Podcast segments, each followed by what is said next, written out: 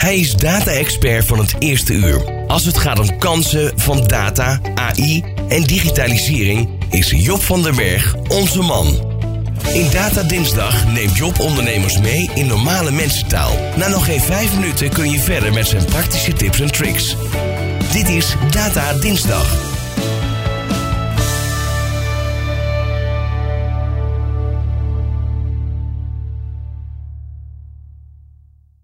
Ja, dit keer is het een co-productie. Want de laatste column van het jaar wilde ik graag passend bij 2022 afsluiten. En daarom vroeg ik mijn vriend ChatGPT om voor mij deze week de column te schrijven. Een leuke testcase. Komt er iets zinnigs uit?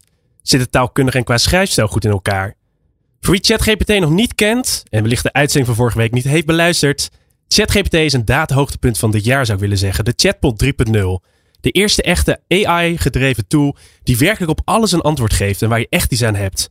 Vrij toegankelijk en te gebruiken via OpenAI. En voor deze editie, zei ik al, van de datacolumn vroeg ik ChatGPT het volgende. Hoi ChatGPT, dinsdag heb ik mijn laatste radiocolumn van het jaar. Kun jij me helpen? De insteek die ik voor ogen heb luidt, wat moeten ondernemers in 2023 met data en AI gaan doen? Ik wil graag concrete tips en tricks delen. Zou jij deze column voor mij kunnen schrijven? Ik heb deze week niet zoveel tijd namelijk. En zo geschiedde. Graag draag ik de datacolumn van deze week namens ChatGPT voor. Letterlijk en één op één gekopieerd vanuit de tekst die ChatGPT, de chatbot 3.0 van dienst, mij heeft aangeleverd. En hier komt hij. De titel. Data AI, de belangrijkste trends voor ondernemers in 2023. Als ondernemer weet je hoe belangrijk data en AI zijn voor het maken van goede beslissingen en het verhogen van de efficiëntie van je bedrijf. Maar wat zijn de belangrijkste trends op het gebied van data en AI voor ondernemers in 2023? Allereerst personalisatie. Steeds meer ondernemers zullen gebruik maken van AI om hun producten en diensten te personaliseren, op basis van de behoeften van hun klanten. Dit kan leiden tot hogere conversierates en een betere klanttevredenheid. De tweede, cloud-gebaseerde AI. Steeds meer AI-tools zullen worden aangeboden via de cloud. Wat betekent dat ondernemers geen dure software hoeven te kopen of te onderhouden. Dit kan leiden tot lagere kosten en een gemakkelijkere implementatie van AI. De derde tip van ChatGPT: verantwoorde AI. Ondernemers zullen steeds meer aandacht besteden aan de ethische aspecten van AI en zullen zich bewust worden van de mogelijke gevolgen van hun AI-systemen. Dit kan leiden tot meer transparantie en vertrouwen in AI. Nummer 4. AI-gebaseerde automatisering. Ondernemers zullen steeds vaker gebruik maken van AI om een proces te automatiseren, wat kan leiden tot een hogere efficiëntie en lagere kosten. Afsluitend als ondernemer is belangrijk om op de hoogte te blijven van de nieuwste trends op het gebied van data en AI. Door het gebruik te maken van de juiste tools en technologieën kun je jouw bedrijf laten groeien en ervoor zorgen dat je concurrentie voorblijft. Hartelijke groeten, ChatGPT. Dat laatste zei ChatGPT overigens niet, heb ik zelf toegevoegd. Maar ik vind het wel leuk om even te reflecteren op deze column, om zo de kracht en kansen van ChatGPT te duiden, als ook mijn reactie toen ik deze AI-gegenereerde column las. Want allereerst, het voelt toch wel een beetje laf. Een column voordragen die door iemand anders is geschreven. Ik merk ook dat het voordragen anders is, omdat ik het niet zelf heb geschreven. Ten tweede moet ik eerlijk bekennen, ik baal er bijna van dat de output van ChatGPT zo goed is. Ik had het bijna zelf kunnen bedenken. Je voelt je toch een klein beetje overbodig door deze AI-tool. Ten derde, de strekking van de column ligt redelijk in lijn met wat ik eerder zelf als column heb voorgedragen. En ik ben er eigenlijk wel voor 99% mee eens. Alleen hoe gaat met de output van ChatGPT en experts vergelijken? Wie heeft meer autoriteit? ChatGPT of een expert? Heeft mijn advies meer of minder impact dan die van ChatGPT? Wat mij ook opvalt is dat de content goed is, maar het kan concreter. Bijvoorbeeld de tip om aan de slag te gaan met de cloud-gebaseerde AI. Ja, hoe dan precies? Ik vroeg daarop door, maar het antwoord blijft toch vrij algemeen. Misschien zit daar wel de ideale mix tussen mens en machine. De echte details, custom-made advies ligt toch bij de mens. En kan ChatGPT nog niet bij helpen. En dan ten laatste de schrijfstijl. Ik vond de column goed en helder geschreven, maar weinig show. Een beetje saai en degelijk. Echt zoals een robot. Je mist toch de human touch en daar mag soms best een foutje in zitten. Dat is juist wel de charme. Afsluitend en samenvattend. 2022 was wat mij betreft een kantelpuntjaar waarin data en AI het grotere publiek definitief heeft bereikt. En dat komt met name door de aanbodzijde. De tools die worden steeds laagdrempeler en meer low-coding. Het is niet meer alleen toegankelijk voor dataspecialisten, maar ook voor niet-data-expert. En dat is zo krachtig, want dan gaat datagedreven werken exponentieel groeien. En dit is niet door ChatGPT bedacht, maar echt geschreven door Job van den Berg.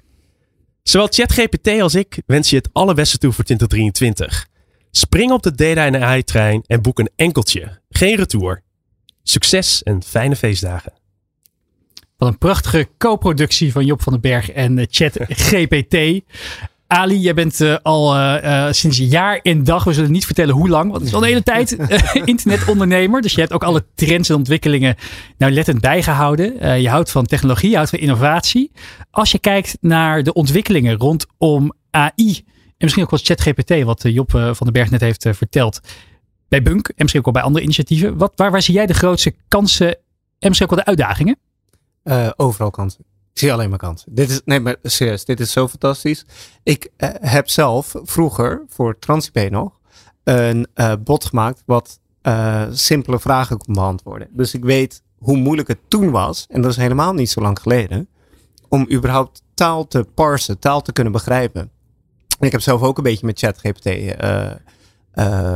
gespeeld. En je kan echt kletsen met een bot. Even los van het niveau van de antwoorden, et cetera. Maar je kan echt praten. En ik denk vrij zeker te weten, als je niet weet dat het een bot is, heb je niet door dat het een bot is. En dat is zo'n enorme ontwikkeling in maar een paar jaar tijd. Ik hoor uh, Job zeggen, Job was het toch? Ja, klopt. Ik hoor uh, Job zeggen, nou misschien zit daar de toevoeging van de mens. Um, nu, maar binnen drie jaar ook niet meer. De hoeveelheid data die verwerkt kan worden door computers en daarmee uh, een op jou gebaseerd, custom-made, tailored antwoord te geven, dat kan een mens helemaal niet. En we denken van het autoriteitsstuk dan? Krijgt ChatGPT meer autoriteit dan een expert? dat was een van de dingen die mij deed afvragen. Ja, dat, dat zijn van die vragen. Dat weet ik. Ik denk dat uh, mensen vinden het vaak fijn. Heb ik, ik heb wel eens een onderzoek gelezen dat mensen vinden het vaak fijn dat er een machinist in een trein zit. Ook al wordt alles automatisch gedaan, voor het gevoel is dat fijn. Dus ik denk Ehm, en dat zien wij bijvoorbeeld in ons gebied uh, ook. Dat mensen, zeker voor een eerste hypotheek, vaak aan ook weer hypotheekadviseurs, dus mensen uh, advies vragen, omdat ze dan een gevoel van vertrouwen en van veiligheid hebben. En dat is prima. Alleen die adviseur gebruikt vervolgens natuurlijk gewoon een tool die hem weer uh, inlicht wat wat het beste ding is. Dus om jouw vraag te beantwoorden, ik denk als je puur analytisch naar feiten zou kijken, dat een computer het waarschijnlijk nu nog niet, maar binnen een paar jaar beter zal doen.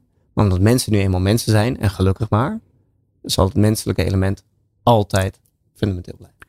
Als je kijkt naar data en AI, dan is er bij veel medewerkers in een organisatie ook al veel angst. Zeker nu ChatGPT, ChatGPT zo ontzettend goed ja, op een menselijke manier antwoorden kan geven. Dat heel veel mensen zich afvragen, ja, maar wat is straks nog mijn rol?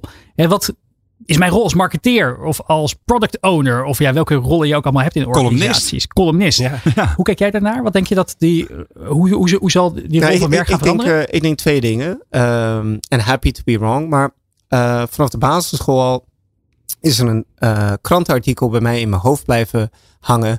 Uh, en er was een krantenartikel, geloof ik, rond 1900. En dat ging erover dat de treinen nu door de weilanden. Er was een nieuwe uh, uitvinding. Er waren treinen die gingen nu door de weilanden rijden. Maar de koeien zouden daar zure melk van geven. Dat was, de, daar lachen we nu om. Maar dat was een oprecht, dat was een serieus stuk. Mensen dachten dat toen en die waren daar bang voor. En oh jee, wat nu? Mm -hmm. uh, wat ik probeer te zeggen is: elk mens, ik ook, vindt verandering moeilijk.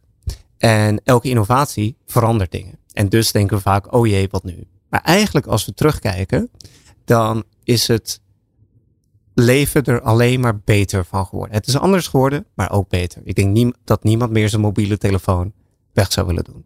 Ik denk dat niemand meer uh, verwarming weg zou willen doen. Ik denk dat niemand meer het internet weg zou willen doen. Dus in zijn algemeenheid worden we er beter van. Maar we zullen wel moeten veranderen. Want degene die in 1900 nog kolen stond te scheppen in de uh, kolenmotor van de trein. Ja, dat werk bestaat nu niet meer. Is dat erg? Ik denk het niet. Niet voor die beste man, want dat waren vaak mannen. Zijn gezondheid, voor zijn longen, et cetera. Niet voor de mensen die die kolendampen niet hoeven in te ademen. En ook omdat die persoon nu ander, nuttiger werk doet. Want in dezelfde tijd is bijvoorbeeld scholing veel beter geworden. En diezelfde persoon kan nu veel nuttiger werk doen. Maar er speelt nog iets anders. En dat is dat AI niet zomaar een tool is. Het is een tool die we niet eerder hebben gemaakt. En ik denk dat we langzamerhand, uh, en dat heeft Michelle Beck heel mooi beschreven in een boek, naar een wereld toe gaan waarin een hele nieuwe visie op arbeid zal ontstaan. Waarin de mens langzamerhand, en dat duurt nog wel echt even, helemaal niet meer nodig zal zijn voor, voor arbeid. En dat zal weer grote gevolgen hebben voor de psyche en identiteit, et cetera, van de mensen. Maar goed, zover. Nou, we, we hebben in ieder geval in de tweede uur nog veel meer te bespreken straks. Maar ik wil daar ook met Job uh, zo'n aanwezigheid nog even één puntje aanstippen. Wat jullie, uh, wat heel actueel is ook bij de aanpak van Bunk. Hè, want dat is een van de pijlers waar de rechtszaak uh, tegen de, de DNB over draaide. de toepassing van AI bij het, het accepteren van nieuwe klanten. Hè. de, de gebruikelijke bankaire wereld moet daar allerlei formuliertjes voor gebruiken. Jullie gebruiken meer dan 500 datapunten, begreep ik, om en dat acceptatieproces veel nauwkeuriger te maken, veel beter en sneller. Uh, maar toch is de oude wereld daar niet klaar voor, heb ik het idee, hè? Nou, uh, dat specifieke punt ging om uh, een interpretatie van de wet. In de wet stond wat ons betreft, en om het dan even te parafraseren, om het simpel te houden, ja. een open norm, namelijk als financiële instelling moet je je best doen om transactiemonitoring te doen. Het ging niet om klant, ging transac uh, ja. transactiemonitoring. Ja, tegen witwassen is dat eigenlijk. Tegen witwassen, uh, ja, en uh, terreur, financiering, dat soort zaken. Mm -hmm. Nou, wij zeiden de beste manier waarop wij dat kunnen doen is met AI. Nou, ik denk dat nu met ChatGPT daar helemaal geen twijfel over meer is. Maar goed, in, in de afgelopen jaren was dat nog een beetje abstract begrip. Wij zeiden, wij, wij doen dat mee met AI. Alleen, als je vervolgens zo'n AI-systeem maakt, dan werkt dat inherent op een andere manier. En waar de discrepantie tussen ging, was dat de DNB zegt: ja, in de wet staat, je moet dat op best mogelijke manier doen.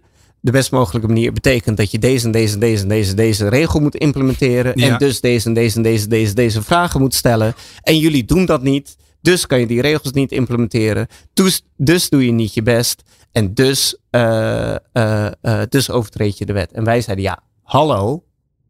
Maar laten we het eens over resultaten hebben. Mm -hmm. Als wij naar de resultaten van ons systeem kijken en we vergelijken dat met een rule-based systeem, dan volgens onze data is ons systeem 2,5 keer nauwkeuriger. We sporen mensen 2,5 keer zo snel op. Uh, met veel kleinere bedragen. En dat is ook logisch, want wij zien ook dat mensen die bijvoorbeeld uh, uh, ja, onkieze dingen in, in de zin hebben, dat ze 9500 euro overmaken omdat ze dan net onder het limiet van 10.000 euro ja, blijft die bij veel banken als, ja. uh, als limiet staat. Nou, die mensen die sporen wij wel op. Dus wij zeiden tegen mij, jongens, laten we nou eens om de tafel gaan zitten. Want dit is de kant waar de wereld op gaat. Dit is beter voor het maatschappelijk belang. Nou, daar was een rechtszaak voor nodig. Gelukkig heeft de rechter ons gelijk ge uh, gegeven. En uh, gelukkig twijfelt denk ik nu niemand meer dat innovatie de manier is om iedereen veilig te houden en witwas te En Job had twee jaar geleden al gezegd, I told you so. Op basis van een AI-model. Ja, exact. Ja. Job, uh, laatste aflevering van het, uh, van het, uh, van het, van het jaar. 10 januari zijn we natuurlijk weer terug. Wat gaat jouw datacolumn in het nieuwe jaar brengen? Goeie vraag. Daar ga ik lekker de vakantie over, over nadenken. Maar zeker wel weer een actueel topic wat de dans speelt. Misschien wel een nieuwe tool die wordt gelanceerd of bekend wordt. Het gaat nu, het gaat nu echt snel. Was Data Dinsdag met Job van den Berg van Bluefield Agency. Zijn radiocolumn kun je wekelijks ook live beluisteren. Op de dinsdag bij De Ondernemer Live op Nieuw Business Radio. Ben je nieuwsgierig naar ondernemersnieuws, maar dan op zijn Nico's? Luister dan de podcast Ondernemertjes. Met onze huiskolonist Nico Dijkshoorn.